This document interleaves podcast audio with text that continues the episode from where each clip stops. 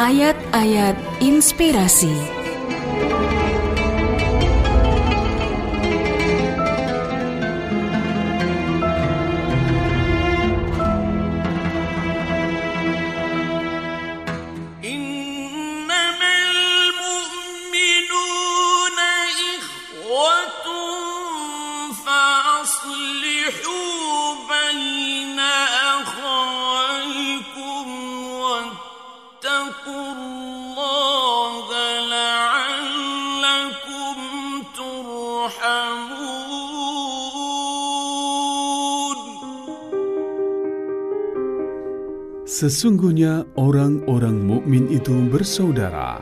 Karena itu, damaikanlah antara kedua saudaramu yang berselisih dan bertakwalah kepada Allah agar kamu mendapat rahmat.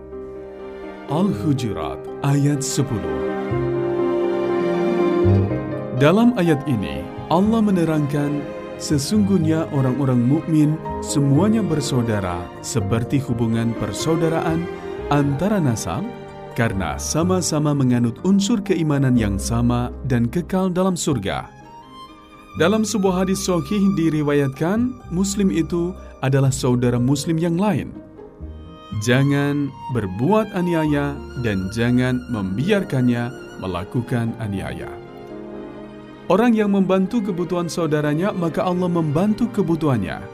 Orang yang melonggarkan satu kesulitan dari seorang muslim, maka Allah akan melonggarkan satu kesulitan di antara kesulitan-kesulitannya pada hari kiamat.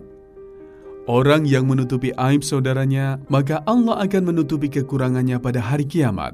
Hadis riwayat Bukhari dari Abdullah bin Umar. Apabila seorang muslim mendoakan saudaranya yang gaib, maka malaikat berkata, Amin, dan semoga kamu pun mendapat seperti itu.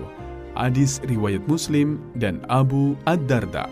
Karena persaudaraan itu mendorong ke arah perdamaian, maka Allah menganjurkan agar terus diusahakan di antara saudara seagama, seperti perdamaian di antara saudara seketurunan, supaya mereka tetap memelihara ketakwaan kepada Allah.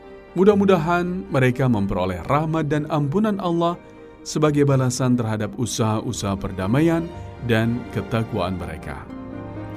Dari ayat ini dapat difahami perlu adanya kekuatan sebagai penengah untuk mendamaikan pihak-pihak yang bertikai.